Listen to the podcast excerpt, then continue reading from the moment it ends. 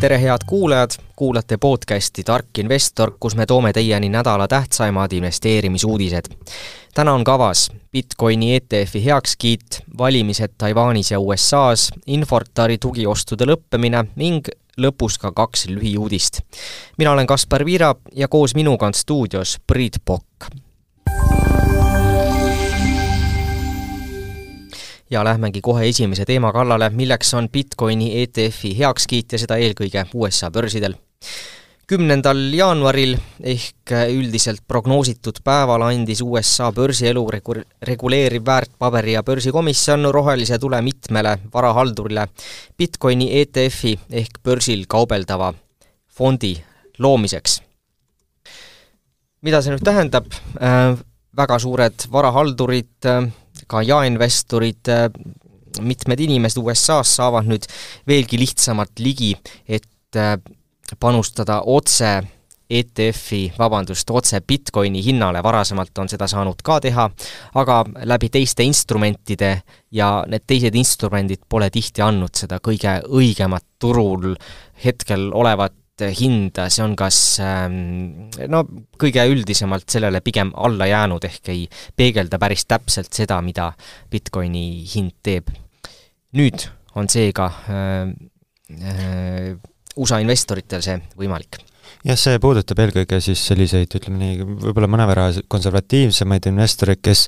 ei soovi näiteks a la teha kontot Äh, Coinbase'is või, või siis omada seda hard wallet'it äh, ning seeläbi siis Bitcoini, et äh, pakub sellist mugavusteenust väga laiali, laiale laiale ulatuses inim, inimkonnas siis USA-s ja, ja sellega on olnud, toimunud siin viimase poole aasta jooksul väga suur haip, loodetakse, et et selline massidesse jõudmine võiks pakkuda ka tuge Bitcoini hinnale ning viimase poole aasta jooksul on ka siis Bitcoini hind siin äh, päris tugevalt rallinud, aga mispärast seda äh, Bitcoini ETF-i äh, teatavaks saamise juhtust, et ta on nagu püsinud seal enam-vähem stabiilsel tasemel, korraks seal tegi väikese võnke üles, justkui oleks väga positiivne uudis, aga jällegi võib-olla siin tekib samasugune stsenaarium, mida me oleme börsidel palju äh, näinud, on, et äh, buy the rumor, sell the news, ehk siis äh, nii-öelda kuulujutu peale on siis Bitcoini hind siin viimastel kuudel tõusnud, aga kas siin ka see toob loodetud suurt hinnatõusu Bitcoinile, eks seda aeg näitab. Ligi kümme aastat tagasi käidi esim-, esmakordselt üldse idee välja, et laadne Bitcoini ETF luua ja noh, sellest ajast saadik see on juba mingitel hetkedel kindlasti hinnatuge eh, Bitcoinile pakkunud ja spekulatsioon suuresti ongi olnud see, et hetkel on suur hulk raha, mis lihtsalt ei saa Bitcoini investeerida just sel põhjusel, mis sa, Priit, välja tõidki just, et kas on äkki keeruline, ei taheta eraldi teha seal võib olla ka regul-, regulatiivsed põhjused ka, et kui on nagu kontrollitud ETF, siis on nagu teine asi ka natuke. Just, Ähm, ja noh, kui korra siin Euroopa ja Eesti peale ka mõelda, siis meile ta selles mõttes suurt äh, äh, muutust ei too, et, et, et äh, USA. saanud äh, inimesed siin juba niigi laadsetesse ETF-idesse investeerida. jah, ta kannab küll siin Euroopas valdavalt teistsugust nime, et ETP ehk siis börsil kaubeldav toode, ta ei ole olnud sedavõrd populaarne, et ma toon siin võrdluseks, et ET-, ETP-desse on Euroopas äh, viide suuremasse ETP-sse on kokku äh, pandud raha umbes äh, kaks koma kuus miljardit, samas kui siin esimesel päeval on olnud USA-s ETF-idesse voolanud umbes viis miljardit dollarit. ehk siis mastaabi eri, erisus ja, ja siin on ka, mis USA ETF-ide puhul tuleb välja tuua, on see, et tegelikult eurooplased ei saa USA ETF-idesse investeerida, välja arvatud, kui ei ole täidetud see äh, mis nõue see oli see, mis kaks tuhat kaheksateist äh, rakendus, ehk siis äh, ka see küsimus. ja noh, meil kas või siin kodumaisel näitel tuua, siis LHV on pakkunud siin alates kahe tuhande kahekümne esimese aasta lõpus ka võimalus mõningatesse populaarsematesse krüptovaradesse siis võimalust investeerida ka. ja kui mõelda, mis nüüd edasi saab, positiivne stsenaarium, huvi osutubki kas nii suureks, nagu prognoositud on, või veelgi suuremaks, kõik see raha, mis on seni nii-öelda kõrval olnud, äkki oodanud, et saab Bitcoini investeerida, nüüd hakkabki seda tegema, mm, mõjub hinnale positiivselt, Bitcoin kerkib enneolematutesse kõrg-, kõrgustesse, edasi mm, ja noh, negatiivne stsenaarium siis vastupidine, huvi ei ole üldse nii suur, kui oodatakse. Ei see... ole ja ei tule sealt sellist tuge hinnale või uut hüpet, nagu äkki mm, oodatud on. ja see nii-öelda huvi suurenemine on juba päris palju ka priced in, ehk siis see kannustas seda ka viimaste kuude tõusu. ehk siis äh, see, kas, kas siin tuleb nagu ka järg, järgmist tõuget, siis noh, siin mängivad ka mingisugused muud kõrvalised äh, faktorid äh, rolli, küll aga mida võib tuua siin ähm, huvitava asjana välja, on veel see, et et kui Bitcoin on kõige populaarsem krüptovara, siis selle kõrval Ethereum on äh, teine ja äh, aasta algusest on Ethereum tõusnud rohkem kui Bitcoin, seal umbes äh, praeguse seisuga neliteist protsenti, samal ajal kui Bitcoin on tõusnud kaheksa protsenti. Ja see on ka sama spekulatsioon, et, et tuleb ka järgmise sammuna siis Ethereumi ETF USA-s, mis võiks siis pakkuda võimalust sinna investeerida. ja laiem kontekst on vast see, et Bitcoin ja ehk ka Ethereum on saamas aina ühem selliseks, aina rohkem selliseks parketikõlbulikuks investeerimisinstrumendiks ja jõuab ta ajapikku siis äkki aina rohkemate investorite portfellidesse, kui praegu küsida ka Eesti pensionifondidelt, mida arvatakse krüptovaradesse ähm, investeerimisest, siis äh, mitte keegi hetkel sealt ei ütle, et ähm, seda võiks teha, aga mida aeg edasi ja eks ole näha, kuidas see börsil äh, edasi käitub äh,, noh, viie või kümne aasta pärast see ei pruugigi enam nii võõras, äh, võõras teema olla. Jah, siin selles kõiges on ka teatav selline paras annus irooniat, et Bitcoin ju loodi kui asi, mis on detsentraliseeritud ja siis nüüd on jõudnud massidesse sellise tsentraliseeritud kujul et eh, kus on kõikidele kättesaadav. aga mida võib ka siis seesama Bitcoini ETF mõjutada, on, mida ma vaatasin ka, et näiteks eh, Coinbase Äh, teenusepakkuja on eile langes börsil aktsiahind kuus koma seitse protsenti ja siin on spekuleeritud, et jah, liigutakse võib-olla rohkem siis nende sama, samade vanade tuttavate suurte varahaldurite poole, kus on ka odavamad teenustasud, et seal teenustasud ETF-i kohta oli vahemikus null koma kaks kuni üks koma viis, null koma kaks protsenti kuni üks koma viis protsenti, samas kui Coinbase'is võib see olla ka kallim, aga mis Coinbase'i puhul Äh, spekuleeriti ka see, et äh, teistpidi see nii-öelda suurte nendesamade varahaldurite see depookonto äh, hoidmisteenus, sel-, selles osas nii-öelda mahud kasvavad seetõttu, ehk siis seeläbi võiks natukene sealtkaudu ka teenida. kuidas Bitcoinil seni läinud on, aasta algusest alates on kerkinud ligi kümme protsenti, ühe aasta lõikes sada kolmkümmend kaks protsenti, eks. Ole siis näha, kuidas edasi läheb, väga volatiilne vara see on ja äh, prognoose selle edasise liikumise osas on seinast seina. järgmiseks räägime valimistest nii Taiwanis kui ka USA-s jaa, äh, homme ehk siis äh, laupäeval toimuvad äh, Taiwanis presidendi- ja parlamendivalimised. kui tavaliselt siin ei ole saates põhjust justkui poliitikast liiga palju rääkida, siis, siis paratamatult selline, sellise väikse saareriigi poliitikast oleks küll. See saar ise on kuskil väiksem kui Eesti, umbes see oli kas kolmkümmend kuus tuhat ruutmeetrit, elab üle kahekümne miljoni inimese, asub Hiina kõrval ja on justkui justkui on iseseisev riik, aga justkui ka pole. ja seal on paljud ajaloolised äh, taustaelemendid selle juures. Äh, ja mängus äh, kõikidesse nendesse ei saa siin süübida, aga miks on siis Taiwan'i valimised olulised, ongi seesama küsimus, et mis saab Taiwan'i tulevikust ehk siis äh, Hiina on teatavasti Hiina kommunistlik partei siis ja Hiina siis Mandri-Hiina äh, soovib siis äh, saada Taiwan'i tagasi enda kätte. samas taiwanlased ise seda ei soovi ning seda eelkõige propageerivad näiteks siis noh, sama võimuvõitlus on siis valimiste käigus on kolme partei vahel, on üks on siis esiteks võimul olev demokraatlik progressiivne partei, Äh, kes soovib võtta suunda iseseisvuse suunas veelgi suuremalt, selliselt, et ka võib-olla teisedki maailma riigid tunnustaks Taiwan'i. Ja siis sel-, selle selja taga on ka olemas siis noh, nagu liitlastena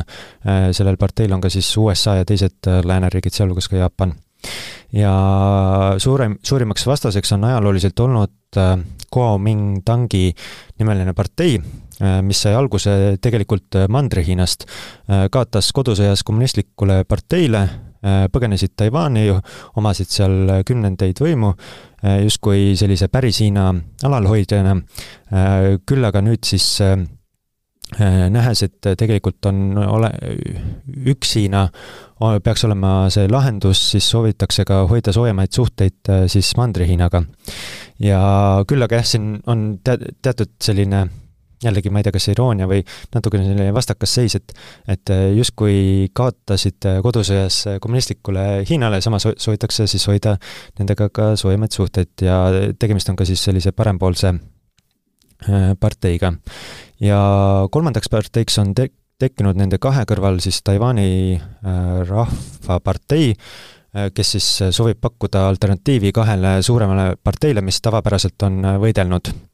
siis omavahel. Noh, see võitlus ei ole küll kestnud kaua, kuna pikalt domineeris Kuomintang. ja siis ongi küsimus, et millise suuna lõppkokkuvõttes Taiwan pärast valimisi võtab, ehk siis millised on suhted Mandri-Hiinaga, millised suhted on äh, läänemaailmaga ning kas sealt võib eskaleeruda ka siis täiendav konflikt USA ja Hiina vahel. ja kui see peaks tekkima, siis selle mõju oleks erakordselt äh, mastaapne ja seda nii majanduses, poliitilises, kõik, kõik, kõik, kõik võimalikes valdkondades jah, ehk kui seda veel kord kokku võtta, siis just see konflikti oht ongi siin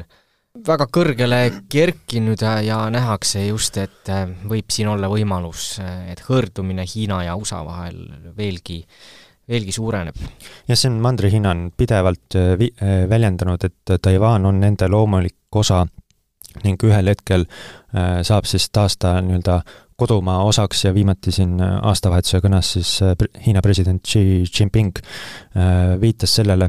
aga mis on, Bloomberg on ka välja arvatanud, et selle konflikti potentsiaalne mõju oleks üüratu, et siin erinevate stsenaariumite korral,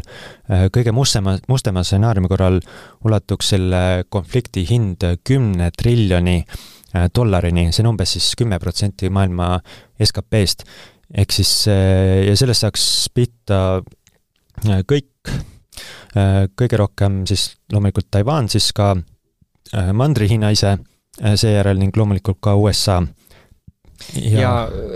tuua kontekstist siia kümne triljoni kõrval seda, et USA majanduse suurus oli mullu kakskümmend viis triljonit dollarit umbkaudu ja Hiina majanduse suuruseks ligi kaheksateist triljonit dollarit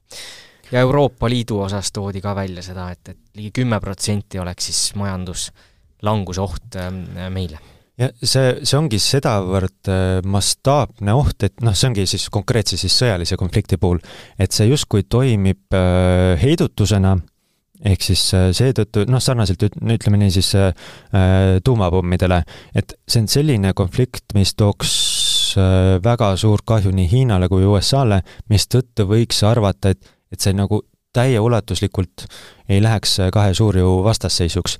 aga siin noh, see, see on õilmitsenud siin ikka väga pikka aega ja on viimastel aastatel üha rohkem äh, päevakorda tekkinud ning võib osutuda täiesti noh, selliseks mustaks luigeks, täiesti prognoosimatuks ja väga mastaapseks äh, sündmuseks, mis mõjutaks kogu maailma, jah. ja mida Hiina juht Xi Jinping on ka korduvalt öeldud, et Taiwan ei ole küsimus, äh, mida saab generatsioonist generatsiooni nii-öelda edasi mhm. anda, ehk see on probleem, millega ta tahab tegeleda äh, nüüd ja enda nii-öelda valve ajal, aasta kaks tuhat kakskümmend seitse on ka äh, aeg, mis, mida USA selline luure eraldi välja on toonud kui ohtlikku aega mm. -hmm. aga vaadates näiteks siin sellist, kuidas seda öelda, et selle konflikti ohu teatavat börsiindikaatorit, ehk siis kes sellest kõige rohkem pihta saaks, on loomulikult Taiwan. Taiwan'i kõige tähtsam ettevõte on Taiwan Semiconductor Manufacturing Company, ehk siis pooljuhtide tootja, maailma üks tähtsamaid ning kui vaadata puhtalt Äh, siis selle DSMC aktsia hinda, siis viimase aasta jooksul on kerkinud äh, ligi seitseteist protsenti. justkui aktsia hinnas seda stressi sees ei ole, mis justkui nii-öelda peegeldab seda, et aktsiaturg ei hinda seda tõenäosust hetkel liialt suureks, et kui see oleks, siis see tähendaks DSMC-le äh, väga noh, sisuliselt kadu. aga üks, kes on seal enda osalust müünud, on Warren Buffett jah, see on juba mõnda aega ka, jah. Äh, jah, just tõigi geopoliitilisi riske äh, põhjusena välja.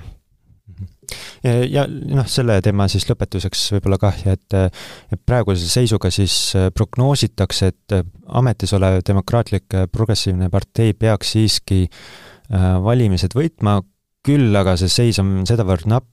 et on äh, ka võimalik, et äh, võib, võib võita ka siis Kuomintang äh, kui ka siis uus lotopartei ehk siis Taiwan'i Rahvapartei, seal su-, kümme päeva enne valimisi ei või siis uusi küsitlusi enam avaldada, mistõttu ei tea, et mis see selline viimane lõplik seis on ja räägiks ka siis teistest valimistest. Põgusalt, on siis see, et USA-s on pihta hakkamas siis USA presidendivalimiste tsükkel. Ja kui demokraatlikus parteis hetkel praegu sellist suurt dilemmat ei paista, siis vabariiklased siiski Äh, valivad endale, valivad seda, et kes neist äh, esindab siis äh, valimistel presidendikandidaadina. ja hetkel on selge suur favoriit Donald Trump, kes on ka siis üldvalimiste hetkel favoriit Bideni ees ja siin järgmise nädala esmaspäeval toimuvad esimesed eelvalimised, seda Iowas, mis on selline väike osariik ning millel otseselt sellist suurt mõju võib-olla ei ole otsese, aga ikkagi on ta teataval määral noh, mingisuguseid indikatsioone annab. ja võib-olla selle Iowa valimiste puhul ei ole sedavõrd tähtis, et äh, kes võidab, noh, selle võidab äh, Trump äh, väga suure tõenäosusega, tal on seal umbes, peaks olema poolte, pooled häältest sellel käes, aga veelgi tähtsam küsimus Iowa valimiste puhul on see, et kes tuleb teiseks. seal on kaks varianti, kas on siis äh, Nikki Haley äh, või siis äh, Ron DeSantis. ja nende kahe kandidaadi puhul on olnud see ähm, nii-öelda toetustrajektoor väga vastupidine. et kui Ron DeSantisest räägiti veel aasta tagasi kui ühest täiesti realistlikust kandidaadist, kellest võiks saada äh, ka, kes võiks ka edestada äh, Donald Trumpi siis äh, vabariiklaste valimistel, siis nüüdseks on see langustrend olnud sedavõrd suur, et, et see ei tundu enam väga tõsiseltvõetav. teistpidi Nikki Haley'l on toimunud vastupidine, vastupidine trend, et kui aasta tagasi ei olnud ta veel äh, toetuse poole pealt äh, sedavõrd pildis, äh, siis nüüd ta on järjest-järjest rühkinud üles ning on oma toetusega jõudnud justkui DeSantise kõrvale ning siin Iowa on esimene selline peegelpilt sellest, et mis seal olema saab. ja miks on see just teise koha, teine koht ka oluline, on see, et, et noh, et kui justkui on praegu Äh, Trumpi positsioon tundub kindel, siis omaette sellise lotoelemendina on äh, kõiksugu tema need äh, kohtuasjad, mis võivad siis ka segada tema siis kanditu-, kandidatuuri perspektiivi. nüüd räägime Infortari tugiostudest. Miks see tähtis on, kui neljateistkümnendal detsembril Infortari aktsiad börsile jõudsid, siis alates sellest päevast on äh, Swedbank teinud ka nii-öelda stabiliseerimisoste või tugioste, äh, kuidas seda nüüd nimetada, aga lihtsustatult öeldes nad on aktsiate hinnal põrandat nii-öelda all hoidnud, olnud see ostja turul, kes äh, kindla hinnaga ostab need aktsiad ära ja ei lase aktsiate hinnal edasi kukkuda. mandaat on neile antud kolmekümneks päevaks, tohtisid osta kuni sada kaheksakümmend tuhat aktsiat ostsid kokku oluliselt vähem äh, ja kakskümmend kuus eurot oli see piir siis, millest alates ja kakskümmend kuus eurot alla selle? jah, kakskümmend kuus või alla selle, jah, äh, kus nad said siis äh, stabiliseerimisotsused teha, sellepärast oli ka näha, et alla kahekümne kuue euro esimestel nädalatel see hind seal väga ei langenud, kuigi kohati üksikutel juhtudel ikkagi käis. nüüd sel aastal on äh, hind alla selle murdnud ja äh, kaupleb siin kahe koma, kahekümne viie koma viie, kahekümne viie koma kuue juures. aga mis oluline on, ongi see, et äh, tänane on viimane nädal ja ka viimane päev, mil Swedbank saab siis börsil neid tugioste teha kohati päevade lõikes on nende ostude maht päris suur olnud, kümnendal jaanuaril moodustas pea üheksakümmend protsenti aktsiate päevakäibest, üheksandal jaanuaril seitsekümmend üks protsenti ja kui võtta kokku viimased ligi kuu aega, siis tugiostud on moodustanud ligi kolmkümmend neli protsenti kogu tehingu mahust. nüüd ongi nüüd on küsimus, mis saab? mis edasi saab, jah. mis sa ennustad? ütleme nii, et kui, kui võtta jah äh,, aluseks see, et kes tahtsid enda aktsiad maha müüa ja neil oli võimalik müüa äh, neid hinnaga kakskümmend viis, kaks, vabandust, kakskümmend kuus eurot või natuke alla selle Swedbankile, siis ma eeldan, et nad tegid seda juba ära, mitte ei jäänud ootama aega, mil stabiliseerimise ostud lõpevad ja hind võib potentsiaalselt äh, madalamale langele, langeda, ehk äh, eeldaks, et kõik, kes on tahtnud enda aktsiad maha müüa, on seda praeguseks teinud. Aga noh, kui mõelda ka nii, et põrand võetakse aktsial all ära, siis noh, mingil määral alla liikumist võib justkui veel siit ennustada, aga mitte märkimisväärset. jah, siin on, mida võib prognoosida, on see, et siin noh, kui seni pole see kauplemiskäive just äh, liiga suur olnud, siis see kaob äh, veelgi väiksemaks, kuna nagu sa ka juba mainisid, siis Swedbanki tugiostud on kohati moodustanud päris suure osa äh, Äh, päevasest äh, kauplemiskäibest. Ja aga teistpidi ka ma julgeks nagu arvata, et äh, see nii-öelda väga suurt langust ei kardaks võib-olla pigem, sest et äh, IPO-s ma ei näinud, et just liiga palju spekuleerimise eesmärgil oleksid inimesed ostnud, noh, nii palju, kui oli kuulda. Äh, me kõikide inimestesse, inimeste peadesse ei tea, kes seal, kes Infortari siis äh, investeerisid, aga noh, selline mulje jäi vähemalt sellise sentimendi põhjal.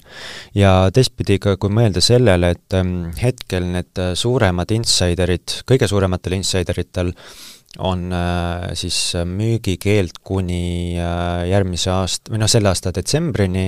ja siis äh, osadel väiksematel in-, insideritel on müügikeeld, aktsiate müügikeeld kuni, see on siis kas juunini. et seetõ-, seetõttu võib ka oodata, võib eeldada, et noh, et nendelt ei tule ka täiendavat müügisurvet juurde, ehk siis võibki tekkida selline rahulikum kulgemine äkki, aga noh, kes teab hakkab siis oluliselt suuremat rolli mängima nüüd äh, ettevõte ise koos enda tulemustega ja, ja kaheteist kuu tulemused, kus paistab siis ka välja aasta viimase kvartali äh, numbrid, kasum tuleb kahekümne kuuendal veebruaril ja mm -hmm. Kui ei tule olulisi uudiseid enne seda, siis äh, see on aeg, mil uuesti aktiivsemat kauplemist arvatavasti ettevõtte aktsiatega näeb. ja üks tähtsamaid siis äh, selle Infortari investeeringuid Tallink teatab oma tulemustest kahekümne teisel veebruaril, ehk siis osaliselt on juba tulemused ka ette näha, mitte küll täiel määral, Eesti Gaas ja kõik muu, aga noh, teatav indikatsioon mm. -hmm. Algab nii-öelda kvartalikapitalism, nagu Infortari juhatuse esimees Ain Hanschmidt ise ütles. ja nüüd räägime natuke eesootavast tulemuste hooajast jaa, täna hakkab siis äh, USA-s äh, tasapisi pihta ja nagu ikka, alustavad äh, suurematest ettevõtetest erinevad pangad. täna teatavad tulemusi siis JP Morgan, Bank of America, Wells Fargo, BlackRock, Äh, Citigroup ja lisaks ka lennufirma Delta Airlines näiteks. Äh, järgmisel teisipäeval äh, siis teatavad tulemustest veel ka suurematest, näiteks Morgan Stanley ja Goldman Sachs. ja miks on see oluline, on see, et pangandused justkui ongi majanduse peegelpilt, mis võiksid näidata, et kuidas selline üleüldisem seis on, siin on oodata, et natukene Äh, teatavat sellist pessimistlikuma nooti on äh, rohkem näha, et siin näiteks äh, Bloombergis oli hiljuti ka artikkel, kus Äh, võrreldi seda, et mis on USA ja Euroopa pankade siis hinnasihid aasta lõpuks, äh, siis USA pankadelt oodati aasta jooksul kõigest äh, seal umbes suurusjärgust üheprotsendilist tootlust, siis Euroopa pankadelt oodatakse kahekümne kahe protsendilist tootlust. see on küll ajalooliselt pea iga, igal aastal olnud niimoodi, et Euroopa pankadelt oodatakse rohkem, küll aga see pole valdavalt realiseerunud, viimasel kahel aastal on küll suutnud Euroopa pangad ületada USA pank, pangaindeksit, äh, küll aga siin eelneval äh, üheteistkümnel aastal on iga aasta äh, siis USA pangad siis teinud Euroopa pankadele siis ära. ja on algamas ka mm, Tallinna börsil tulemuste aeg jaa, see, sellega läheb natukene kauem aega, et siin küll järgmisel nädalal esimesed tulemused laekuvad, täpsemalt siis järgmine neljapäev, pärast börsipäeva lõppu avaldab tulemused Tallinna Kaubamaja Grupp, misjärel on sisuliselt Äh, kaks nädalat äh, vaikust, et seal suurem äh, tulemuste teatamine hakkab pihta siis veebruarist. Tallinna Kaubamäe grupi puhul huvitav siis näha, kuidas neil läheb, kas nõrkus majanduses on neid löönud, kas tarbijad on enda oste vähendanud või vastupidi, oodati vaadati, et hakkab hoopis kaks tuhat kakskümmend neli kõrgem käibemaks tulema ja äkki toodi mingeid suuremaid oste, näiteks autosid äh, hoopis ja. Äh, aasta lõppu, et ole siis näha, kuidas seal ja, läheb. ma natukene võib-olla selle neljanda kvartali tulemused ei tundu sedavõrd huvitavad, kui see, mis tulemused hakkavad tulema siin tänavuse aasta esimeses kvartalis. et kui siin eelmise aasta lõpus selline noh, jõulud, jõuludeaegne ikkagi selline osturalli ikkagi võiks eeldada, et teataval määral kehtis, aga selline säästude vähenemine võiks hakata sööma tarbimist võib-olla siin aasta esimeses kvartalis, et näiteks võib vaadata, mõningad ettevõtted teatavad ka siin äh, kuu kaupa äh, müügitulemused, vaadata, mis sealt äh, vastu paistab, et äkki see on siis indikatsioon, kui tugev siis tarbija on. ja lõppu räägime lühidalt ka Efteni tulemist tulemustest ja dividendist ning ka Euribori liikumisest. Sel nädalal teatas enda tulemustest siis Eften Real Estate Fund ehk kinnisvarafond, mis meil Tallinna börsil kaupleb. Üks oluline aspekt kindlasti, miks sinna investeeritakse, on dividendid ja teatas ettevõte ka enda dividendiplaani, mida kavatsetakse siis aktsionäride ette tulla ja tahetakse maksta üks euro aktsia kohta mis on vähem kui äh, mullu, äh, mullu maksti üks koma viisteist eurot aktsia kohta. aktsia üheksateist koma neljakümne viie eurose hinna pealt äh, tähendab see ligi viie koma ühe protsendi suurust brutotootlust ja natuke tulemuste poolt ka, kuidas neil siis tänavu, vabandust, kahe ta-, kahe tuhande kahekümne kolmandal aastal läks, puhaskasum langes oluliselt, ehk ligi üheksakümmend protsenti. teeniti üks miljon eurot puhaskasumit, kaks tuhat kakskümmend kaks teeniti üksteist koma neli äh, miljonit eurot äh, puhaskasumit, mille tõttu see juhtus, suuresti on väiksema kahjumi põhjuseks kinnisvarainvesteeringute õiglase väärtuse ümberhindamine, kus, mis langetasid siis äh, kasumit kolmteist koma üheksa miljonit eurot, suuresti on see siis Euribori äh, tõusu tõttu toimunud ja jah, see kinnisvara allahindlemine, et see toimub paberil, mitte rahavooliselt, on seda võib-olla tasub rõhutada ka. just, fondijuht Viljar Arakas on ise ka seda siin välja toonud, et Äh, see on nii-öelda mitterahaline bilansilise väärtuse muutus, mis ei mõjuta kuidagi fondi tegelikke rahavooge ega dividendi maksmise võimekust. ehk sellest võib mõelda ka nii, et kui te ise omate korterit, iga aasta seda hinnata laseks, siis teie sissetulekuid see otseselt äh, ei mõjuta äh, ja rahavoog, äkki seletada see ka lahti, seda võib ka mõista kui lihtsalt kontole jõudvat raha jah, netona, kui palju raha välja voolab, kui palju raha sisse tuleb ja siis mis see lõppkokkuvõttes summa on? Äh, just. Äh, jah, see dividend iseenesest noh, ta on ta on äh, väiksem kui eelmisel aastal, see dividendi tootlus on ka väiksem kui varasematel aastatel, et ta on suutnud vahepeal ikkagi olla, püsida seal kuue, kuue protsendi kandis, kohati ka, kui õigesti mäletan, seitsme protsendi kandis, siis äh, see praegune viieprotsendiline tootlus ei tundu justkui sedavõrd atraktiivne enam, küll aga on positiivne üldse, et arvestades laiemat sellist ärikinnisvara seisu, et Eften ikkagi on võime, võimeline maksma dividende ja, ja noh, ikkagi arvestatavalt. see, siin näiteks tuues võrdluseks, et Baltic Horizon Fund, et ärikinnisvara fond on, mis on ka siis Balti börsil noteeritud, et nemad on peatanud oma dividendimaksed juba, ma ei mäleta, kuna nad peatsid, kas aasta-poolteist tagasi äh, sellesama keerukama siis ähm, finantsolukorra tõttu. et selles mõttes on hea, et maksavad, aga natukene vähem kui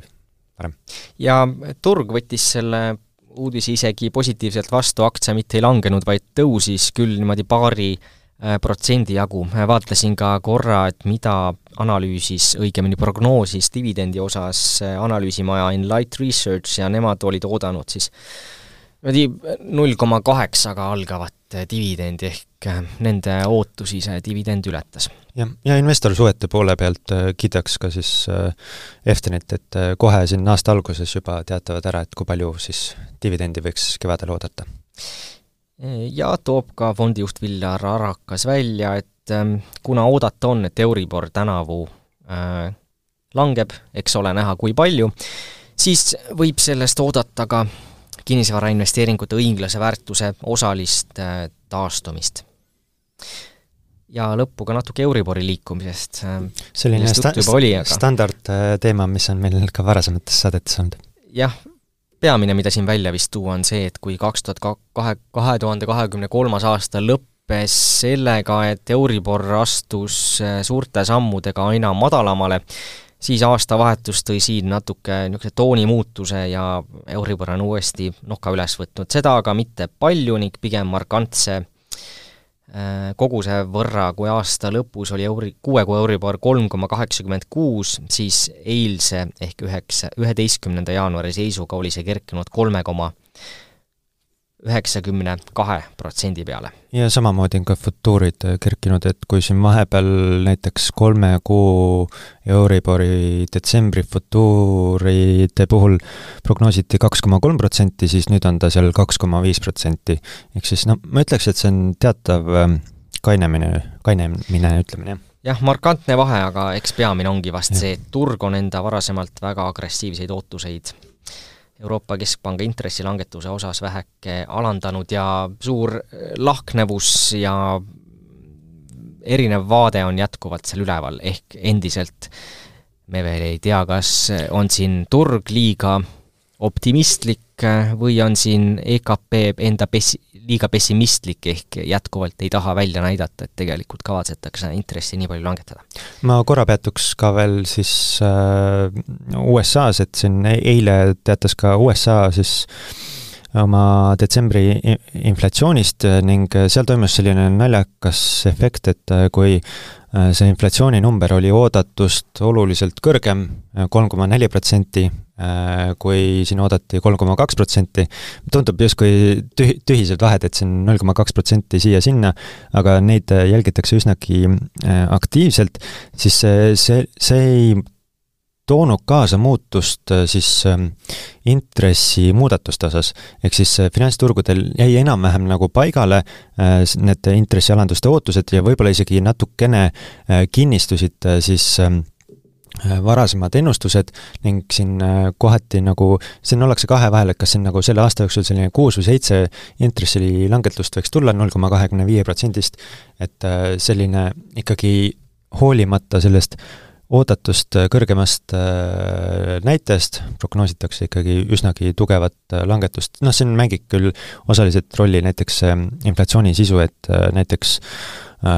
majutuse inflatsioon on väga pika vinnaga, mis siin kevadel eeldatavasti peaks tulema, hakkama siis allapoole rühkima.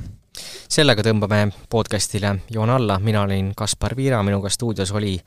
Priit Pokk, soovime edukaid investeeringuid!